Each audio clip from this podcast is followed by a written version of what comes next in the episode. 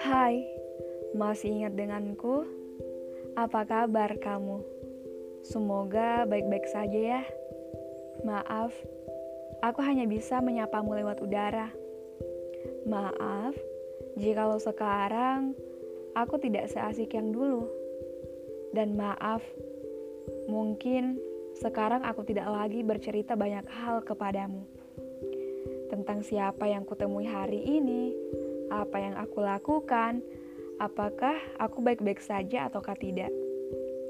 Bukannya aku sudah mendapatkan teman cerita yang lain selain dirimu. Bukan, bukan itu alasannya. Ada banyak hal yang sudah terjadi akhir-akhir ini.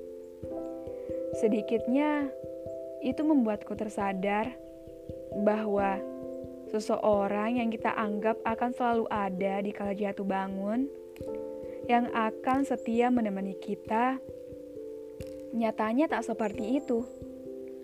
Kita hidup bukan di dunia fantasi. Kita hidup di dunia real yang menuntut kita untuk realistis. Melihat segala sesuatu sesuai dengan kenyataannya. Sudah lama kita terjebak dalam mimpi.